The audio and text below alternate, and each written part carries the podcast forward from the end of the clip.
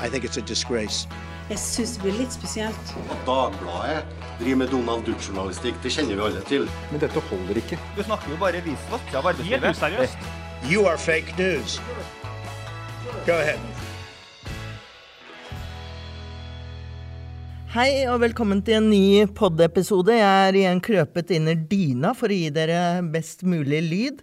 Eh, vi skal snakke om eh, åpningen, den gradvise og kontrollerte åpningen av eh, samfunnet som Erna snakker om. Men først så skal vi gå live til New York, hvor Dagbladskorrespondent Vegard Kristians Kvåle sitter. Du sitter i eh, Hei, Vegard. God dag, god dag. Hei. Jeg sitter i, i Brooklyn. Eh, Bushwick i Brooklyn. Har du det bra? Etter Ja da. Tatt, tatt omstendighetene i betraktning, så har, jeg det, har jeg det fint. Det er en uh, veldig merkelig situasjon, selvfølgelig, som vi alle opplever her. Uh, men uh, det er jo Her må man jo stort sett holde seg hjemme, og det har vi jo gjort nå i, i hvert fall i fire uker, og det kommer til å bli en stund til. Hvordan er hverdagen din der borte? Altså, Brooklyn er vel ikke, selv om vi, vi ser jo bare bilder fra Manhattan uh, veldig ofte, som er tomme gater og sånn, men, uh, men uh, Brooklyn kan vel også kalles en hotspot når det gjelder Ab- dette viruset? Absolutt. Det er Det man ser i New York, er jo at det er særlig sånn fattige områder, lavtlønte strøk, hvor, hvor folk må bo veldig tett, og hvor folk har jobber som er ganske utsatte. Eh, det er jo der man ser mange som blir ramma av denne smitten. Og det, det, det gjenspeiler seg jo i statistikkene også. Når man ser på dødstall og man ser på sykehusinnleggelser og sånne ting, så er det jo veldig mye eh, mer i Eh, steder som eh, Bronx og også Brooklyn, hvor det er flere lavtlønte og, og sånn enn det det er på Manhattan. Mange av de rikeste i, i byen har jo eh, og- gjerne et eh, sommersted eller eh, et eller annet annet utenfor byen og har, har rett og slett dratt ut. Eh, sånn, så her jeg bor selv, så er det jo en en svær leilighetsbygning hvor, eh, hvor eh, også en del har liksom bare forlatt byen. Så det føles litt sånn halvtomt, eh, det, det bygget jeg, eh, jeg selv bor i. Hvordan eh, håndterer myndighetene det? Vi her i Norge ser jo nesten like mye på Andrew Cuomo, altså guvernøren i New York, som vi gjør på Donald Trump. Det, det tror jeg er tilfellet i New York òg. Det er jo ingen i eh, Altså veldig få i New York er vel særlig imponert over det føderale myndigheter og Donald Trump eh, driver med. Det, det framstår jo som eh, mildt sagt kaotisk og lite strukturert og planlagt.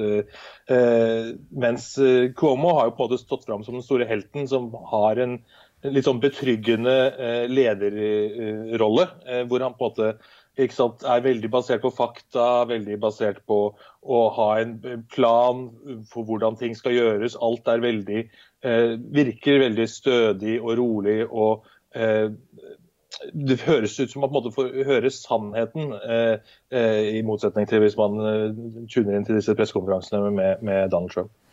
Du har jo bodd i New York i mange år, eh, Vegard. og Hvordan håndterer newyorkerne New Yorkerne en sånn krise, syns du? Eh, New Yorkerne er jo generelt veldig sånn tøffe og, og, og hardhuda på mange måter. Eh, eh, det er klart at dette har jo satt et støkk i alle. Og det er jo en underlig opplevelse å gå rundt og bare det at Nå er alle pålagt å gå med maske, f.eks. Så nå må man, hvis man skal utendørs, gå med, med maske.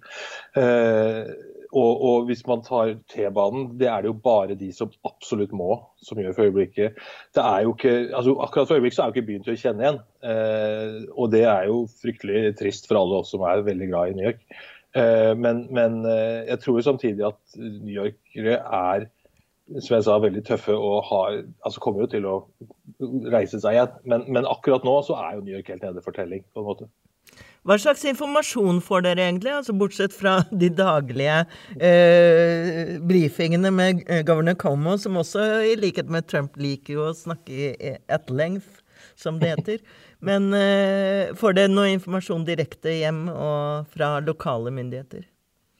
Nei, altså, Man har jo også ordføreren i New York, Bill Blasio, som holder sine pressekonferanser og sånn. Eh, og så får man eh, av og til, det, det er en stund siden forrige nå, men man får av og til sånne meldinger på telefonen som går ut til alle, sånne nødmeldinger. Uh, så det siste jeg fikk var, det, det begynner å bli et par uker siden nå, men da var det snakk om at uh, nå kan helsearbeidere som ikke er i jobben, melde seg frivillig til å bidra osv. Så, videre. så man får jo sånne meldinger. Og, og, det er jo i det hele tatt Man ser jo hvordan hele byen er sånn fullstendig overvelda. Særlig helsevesenet. Det er jo noe med å gå rundt og se Eh, sånn som I mitt nabolag så er det f.eks. et lite sykehus. Eh, eh, der står da kjøletrailere utenfor. ikke sant? Og jeg selv gikk forbi der en dag og ble vitne til at der kommer det da lik etter lik. Mens, bare mens jeg var der, så var det tre lik som liksom ble trilla ut og inn i disse kjøletrailerne. Så, så, alle, hele sykehuskapasitet, helsevesenet, er jo helt sprengt når det gjelder pågangen av, av, av pasienter. Det er vanskelig å fatte for oss som er langt mildere rammet av dette her, og syns at det verste som har rammet oss, er at det er en at vi er forbudt på hytta og, og, sånne ting. Det er jo økonomiske konsekvenser som er enorme, det skal vi jo ikke unnskylde. Men hva, eh, hva er det som er oppe i, i, New York i det hele tatt? Altså, dere må jo gå og handle på butikken på hjørnet. Hvordan, eh, hvordan foregår det? Er det det er, eh, de er også, begynner også å bli en utfordring. De som har lov til å ha åpent, er jo det som regnes som essensielle virksomheter, som er matbutikker, apoteker, eh, ja, det er vel jernvarehandler. Det er noen sånne type butikker som måtte få lov til å holde åpent. Uh, og Der gjelder jo da reglene nå om at man må ha maske hvis man skal komme inn. Og det er begrensning på hvor mange som får komme inn. Så, og så må man da stå i kø utenfor ikke sant? på rekke og rad da, med sånn to meters mellomrom for å, for å komme inn. Og butikkhyllene blir jo stadig litt tommere. Det er jo det, det, det der mest sånn opplagte tingene, sånn som Eh, desinfiseringsvæske og hansker og masker og den type ting er jo borte. Det er jo ikke mulig å finne noe sted omtrent. Eh, og, og, og, sånn, men, men, man får jo ja, man, man, får jo tak i sånn, de mest sånn, grunnleggende sånn, mat og sånn man, altså, når man trenger det. Men, det ikke, men, man ser at det blir veldig utplukka i butikkene. Og disse, og jeg tror særlig de, altså, de store kjedene har nok en bedre Eh, tilgang på, på varer og sånn, mens de, disse mer lokale hjørnebutikkene sliter mye mer med leveransene uh, av ting. Men folk holder seg i ro og takler det bra. Newyorkerne er tøffe, sier du. Men, uh, men det er jo også kjent som deler av New York er ganske mye kriminalitet. Hvordan ser man utviklingen der? Er det Nei, altså man ser jo Altså det er jo selvfølgelig fortsatt kriminalitet. Man har jo sett at det har vært en nedgang i en del typer kriminalitet. Eh, men samtidig eh, også en oppgang i, i andre ting. Eh, og man leser jo rapporter om at New Yorker Det er jo mer narkotikaomsetning og det er mer den type ting nå. Jeg var også oppe i, i, i Harlem her forleden, og det var jo og det, er jo noen deler av New York hvor man får følelsen av at dette ikke helt har eh, trukket altså hvor dette fortsatt nesten ikke gjelder. Hvor man liksom går på gata her, så er det fortsatt fullt av gateselgere som sannsynligvis ikke har en annen måte å overleve på enn å faktisk være ute på gata. Og, og det er fortsatt mennesker ute i gatene og, som ser ut til å leve et nesten normalt, uh, altså sånn som de gjorde tidligere. Eh, så det er, jo, det er jo forskjeller innad i, i New York også. Det er vanskelig å se for seg hvordan New York skal tilbake til normalen eh, etter dette. Altså, det vil jo ta lang, lang tid før, før det skjer. Men eh, når de nå prøver å takle det så godt som de kan, er det også eh, et litt sinne over det som har skjedd? Ja, det tror jeg absolutt. Jeg tror mange er ganske opprørte over hvor dårlig forberedt eh, amerikanske myndigheter ser ut til å ha vært i forhold til dette her. Eh, og fortsatt så er det jo umulig å Hvis ikke man er veldig syk, så er det nesten umulig å få bli testa, f.eks. Eh, noe som jo veldig mange helseeksperter mener er helt avgjørende for at man skal kunne begynne å åpne opp igjen eh, samfunnet. Eh, og, og, man ser jo at eh, altså Jeg har jo selv venner som sitter hjemme og er syke. En, en venn av meg var, han sitter hjemme nå med høy feber, hoste, og, og han var hos lege som sa at han ja, etter all sannsynlighet så er du koronasmitta, men jeg har ikke test som du kan ta. Eh, så han må bare på en måte leve da, som om han er koronasyk og han føler symptomene, men, men, har ikke noen mulighet til å, å finne ut om man faktisk er syk. Og sånn er, Det er jo helt uholdbart uh, selvfølgelig at situasjonen er på den måten der. Du kjenner jo amerikansk politikk og det amerikanske samfunnet godt. Eh, de mest håpefulle vil kanskje tro at det nå er åpnet for en reform i det amerikanske helsevesenet. Tror du på en sånn utvikling? Altså, det er vel lov å håpe, og det er, burde selvfølgelig skje. Eh, men, men jeg tror Eh, akkurat nå er man i en unntakssituasjon hvor det er veldig vanskelig å spå hvordan dette vil gå. og så mye, vil, mye her avhenger av hva som skjer med valget til høsten. Eh, og hvordan, eh, ja, om Trump faktisk blir gjenvalgt, eller om det kommer en demokrat inn. Eh, åpenbart, mange, For mange amerikanere så vil dette være en dramatisk vekker. og, og, og sånt. Men eh, foreløpig tror jeg det er litt tidlig å spå hvordan det vil, eh, hva som vil skje. Og vi tør i hvert fall ikke spå om hva som skjer i valget til høsten, det er helt sikkert. Det har vi prøvd oss på før. Men uh, godt å se, se deg, uh, Vegard. Uh, jeg, I motsetning til dere lyttere, så ser jeg han her foran meg på skjermen, og han ser ut som han er ved godt mot. Ta vare på deg selv, som vi sier. Vi har adoptert det. Takk skal du ha.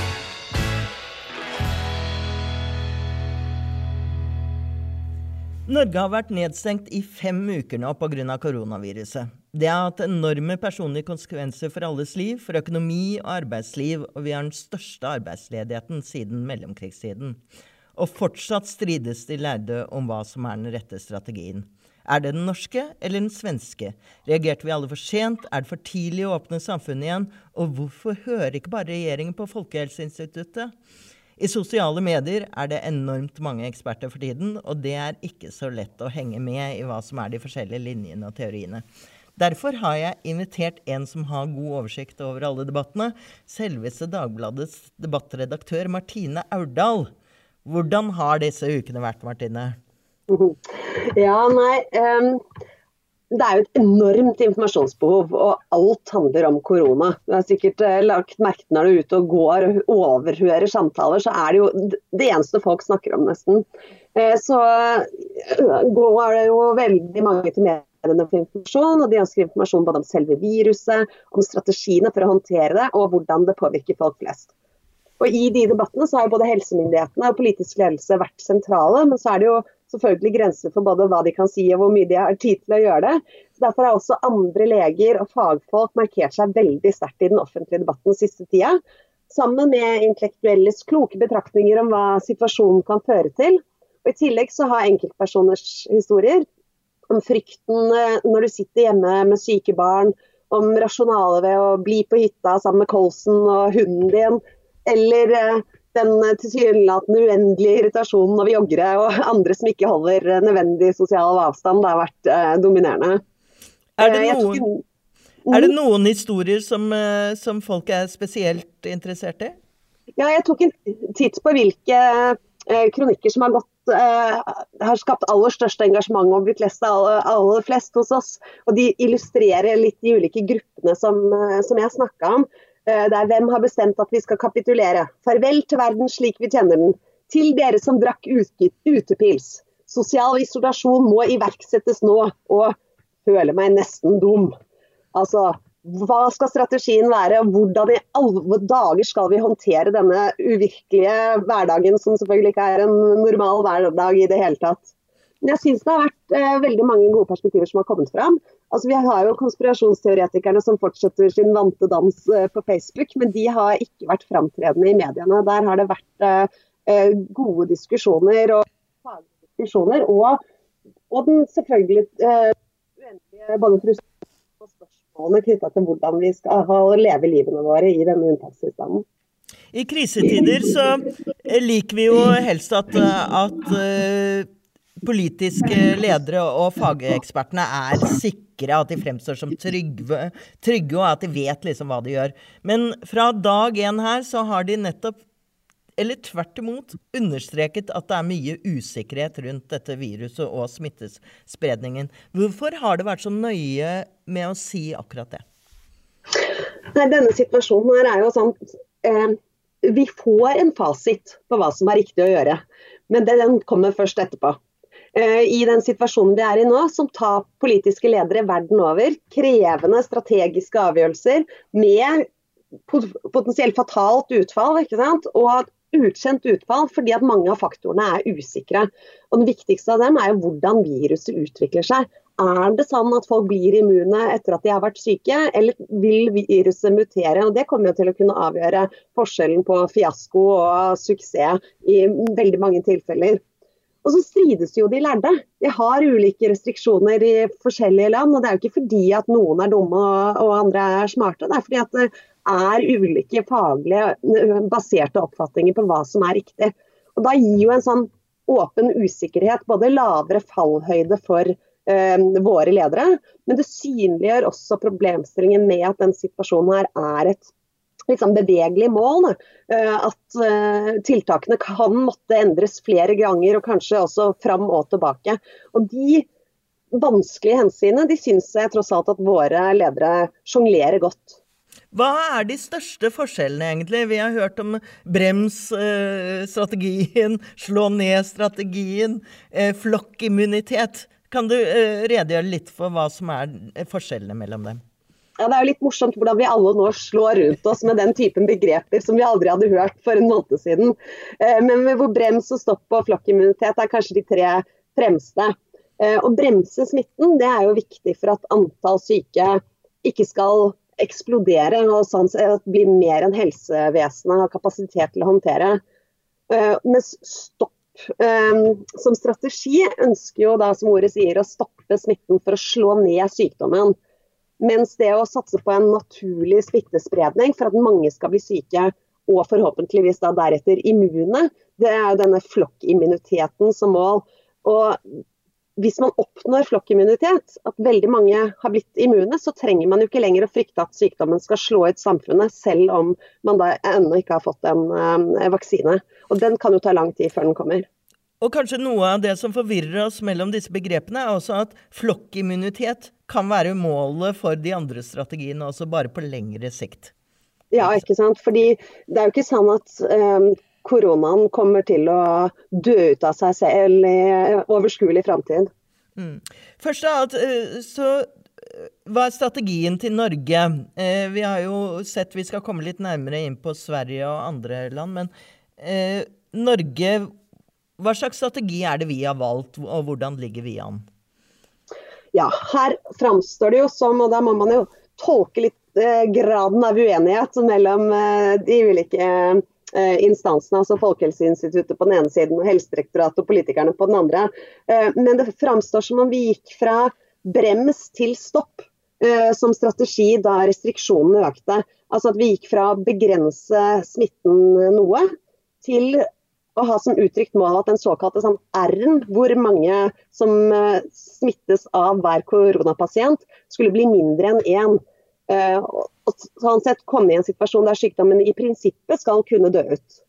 Men nå som vi gradvis skal åpne samfunnet på nytt, så betyr det jo at noen flere vil bli smitta. Men på den måneden som har gått siden vi stengte ned, så har vi bygd opp kapasiteten og forberedt helsevesenet på et langt større antall syke enn det de hadde muligheten til å behandle for en måned siden. Og når vi ser rundt oss og sammenligner oss med andre land, så har vi det egentlig ganske fritt i Norge, vil jeg si.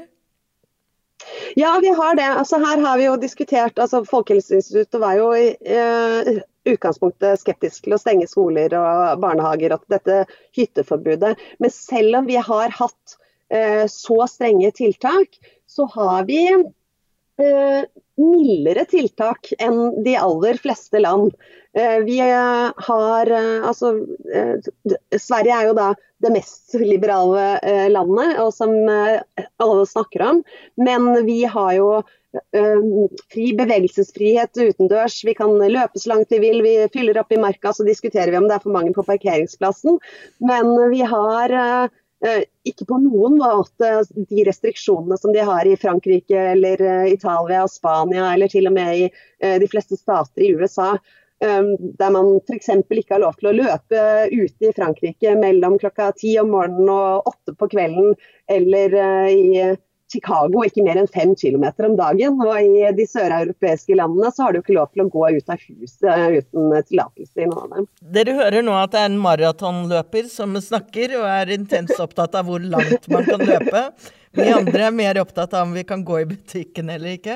Men, og eh, svært mange kan jo knapt gå i butikken, men én gang i uka er jo Og med lapp er det jo en del av eh, Er det mange land som har eh, restriksjoner på. Men ja, nei, jeg, jeg er jo med i noen sånne løpegrupper på Facebook der jeg får kontinuerlige oppdateringer om tilstanden for løpere rundt om i verden.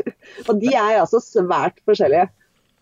Det er ikke det jeg bekymrer meg mest for, må jeg innrømme, Martine. Men, men, jeg aksepterer at du er levende opptatt av det.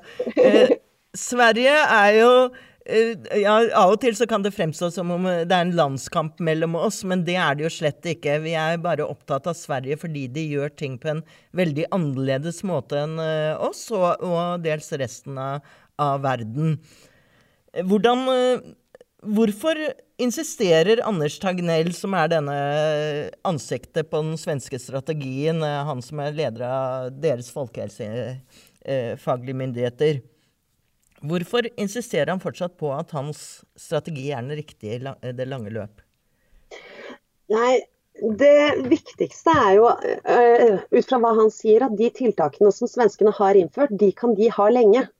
Eh, I Norge og i de fleste andre land så åpner vi opp og vi eh, strammer eh, inn og vi åpner opp litt igjen. og med, med å følge med på alle disse kurvene så har vi hele tiden forbehold om at situasjonen kan endre seg. Men svenskene har strammet inn mye mindre, og de har tenkt å ha de restriksjonene lenge. Slik at de vil da begrense smitten noe, men uten at samfunnet skal ta så stor skade av det at tiltakene ikke er til å leve med. Og sånn sett så håper jo de både på en større lojalitet til tiltakene, at man ikke bryter de reglene som, eh, som de tross alt har satt, og man er mer skånsom i forhold til eh, en del av de negative konsekvensene som en nedstengning jo har. Eh, både for økonomien, men også for barna som ikke får lov til å gå på skolen, og for foreldrene deres som dermed ikke kan gå på jobb, osv. For svenskene har altså da ikke stengt ned skolene, og det skal vi komme tilbake til nå øh, og snakke om at vi skal gjenåpne skolene.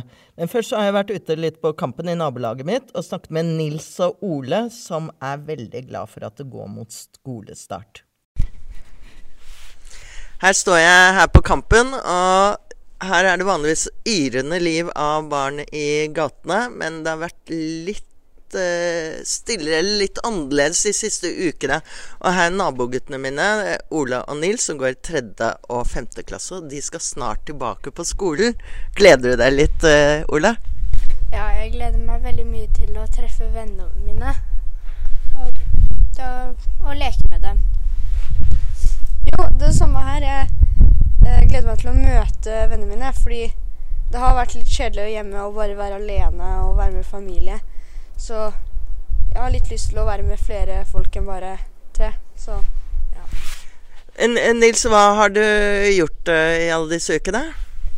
Nei, jeg har vært uh, først og fremst ute og sykla nesten hele tiden. Og så har jeg og Ole fått litt fri, så vi har spilt litt inne òg.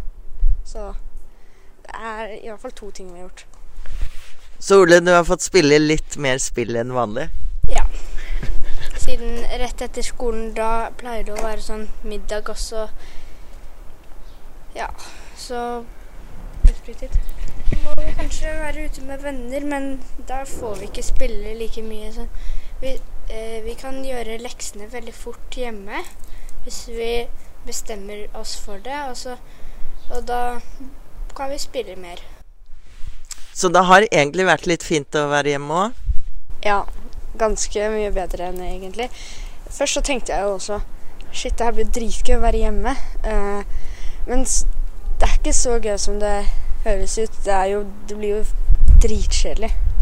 Så Og det er da man liksom får følelsen er, Da får man følelsen om hvor heldig man er som går på skole. Det var altså Nils og Ole på Kampen i Oslo. Eh, Nils som går i femte klasse må nok vente litt til, fordi foreløpig så gjelder denne åpningen bare for barn eh, første til fjerde klasse og barnehager. Noen barnehager, i hvert fall.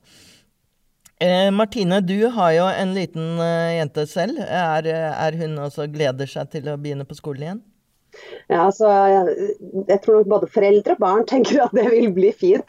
Vi har hjemmekontor eh, delt på eh, spisebordet, og det er jo en um, altså, Hun er heldig som går på en skole som har laget et fantastisk bra opplegg hvor alle elevene har iPad fra før. Men det er jo likevel både uh, mye mindre De lærer jo mye mindre og har mye mindre å gjøre enn når de faktisk går på skolen. Men også savner de jo både lærerne sine, som de er veldig glad i, og vennene sine på skolen. Så det er en helt annen eh, hverdag og kommer til å bli godt å komme tilbake uansett hvordan den skolehverdagen eh, nå kommer til å bli. Det er jo en del av dugnaden å få samfunnet i gang igjen også. Og ikke minst med tanke på de flere hundre tusen som er permittert eller har mistet jobben. Men det er ikke ukontroversielt å åpne skolen og barnehagen, og flere foreldre sier de vil fortsette å holde barna hjemme. En ekspert som du har hatt ofte på trykk i Dagbladet, er eh, smittevernsekspert professor Bjørg Marit Andersen, og hun er skeptisk til dette her. Hun mener regjeringen gambler med en så tidlig gjenåpning, og sier resultatet kan bli katastrofalt. Hva er hennes argumenter for det? Ja, hun har tre hovedargumenter i det hun skrev om det. Altså for det første så sier hun at epidemien er på rett vei, men den er ikke stoppet. Eh, og hun mener jo også at eh, regjeringens tallgrunnlag for å beregne det er feilaktig, fordi at de ikke regner med de koronasyke i sykehjemmene og hjemmesykepleien som ikke legges inn på sykehus. Eh, så de, Hun mener at de hopper av for fort uten reelle resultater. Og For det andre så har jo epidemien sier hun, ikke nådd eh, toppunktet sitt ennå. Siden det er da fremdeles 100-200 personer som eh, smittes eh, i døgnet, og at det viser at vi ikke har gode nok kontrolltiltak og smitteverntiltak på plass. Og for det tredje, og dette er jo det vanskeligste punktet kanskje, er at hun mener at barnehagebarn og småskolebarn og familiene og personalet er av de mest sårbare og smitteutsatte i samfunnet. Nå er det jo sånn at barn i mye mindre grad enn eh, alle andre grupper, ser det ut som, eh, blir eh, syke og i hvert fall alvorlig syke av korona. Men de kan jo spre smitten både mer altså fordi De har jo en helt annen omgang enn voksne. Det er umulig å be barnehagebarn holde to meters avstand når de er ute og leker sammen. Eller du kan jo be dem om det, men det kommer ikke til å lykkes. Og de skal trøstes, og de skal, og de skal trøstes. Du kan ikke sende en seksåring på skolen hvis ikke den seksåringen skal få trøst og en klem når den eh, trenger det. Eh, det er helt nødvendig også for den psykiske helsa. Da. og På den måten så kommer smitten til eh, å spre seg. Så Derfor så er hun redd for at det å åpne nå på en stigende epidemi vil føre til smittespredning mange flere veier enn før. Da, fra mellom barn og fra barn til voksne via familiene deres videre ut. Så er det viktig å huske at Bjørg Marit Andersen snakker jo da som professor i smittevern, altså fra et ideelt smittevernperspektiv. Og det er det som er hennes, uh, hennes fagområde. Hvorfor mener regjeringen at likevel er viktig å åpne barnehager og de yngste skoletrinnene? Ja, altså de har jo en ekstremt vanskelig jobb å ta disse uh, avgjørelsene. Det syns jeg vi skal ha respekt for. Det er Eh, det er mange problemer med å ha både barnehagene og skolene stengt i lang tid. Og et av de viktigste hensynene er jo at eh, det er ikke alle barn som har det bra hjemme. Eh, det er ikke alle barn som får god nok oppfølging. og det er dessverre også grunn til å anta at både vold ved hjemmet og andre problemer for de sårbare barna øker. I tillegg til at de barna som har spesielle utfordringer, ikke kan få god nok oppfølging fra skolen når de ikke er der. Eh, så Derfor så ønsker de å åpne nettopp for de yngste barna, som er vanskeligst for å si fra eh, om situasjonen selv. Eh, og akkurat Nå jobbes det jo for fullt både nasjonalt og lokalt med å lage gode planer for smittevern i barnehagene og skolene. Veilederen for barnehagene kom jo i går, så kommer den for skolene på mandag. Så skal jo hver enkelt skole finne ut hvordan de kan lage best mulig rutiner for å begrense spredning av smitten på skolen. Og Mye av dette jobbet de jo med også før skolene ble stengt. Eh, de har eh, mange skisser eh, på plass med hvordan de kan dele opp grupper, leke i forskjellige områder av skolegården osv. for å kunne gjøre situasjonen tryggest mulig, da, både for barna og for, for de voksne. Og det som er viktig å si, er jo at dette at vi sakte, eller som Erna kaller det, en kontrollert og gradvis gjenåpning av samfunnet, det betyr ikke at alle skal løpe ut i gatene og, kaste uh, seg om halsen på hverandre. Vi må fortsatt holde sosial avstand. Og det betyr også dessverre at 17. mai er avlyst i år. Ja, og det altså eh, Det at det ikke blir barnetog på Karl Johan, eh, det er jo første gang siden krigen. Eh, det understreker jo virkelig alvoret i den situasjonen vi er i nå. Og det er mange triste både barn og voksne over hele landet som mister den eh, felles feiringen som 17. mai er. Nå har de jo også avlyst i mange kommuner, også her i Oslo, de lokale arrangementene på skolene og de lokale togene i nabolaget. Så jeg har i hvert fall lovet min niåring at det skal bli en eller annen slags form for tog. Om vi så må gå opp og ned gata vi bor i, eller uh, må gjøre det i skogen, slik besteforeldrene mine måtte gjøre under krigen. det blir litt vanskelig å samle hundretusener og tusener på Teams, kanskje? Men, uh, men Abid Raja, som har, er overansvarlig for 17. mai-feiringen, er i gang med planer, sier han. Så vi får håpe at både lokale krefter og Abid finner på noe lurt og smart som gjør at vi kan glede oss over 17. mai likevel. Takk for at du kom, eh, Martine. Det var veldig oppklarende, tror jeg, og nyttig for mange. Takk, Marie.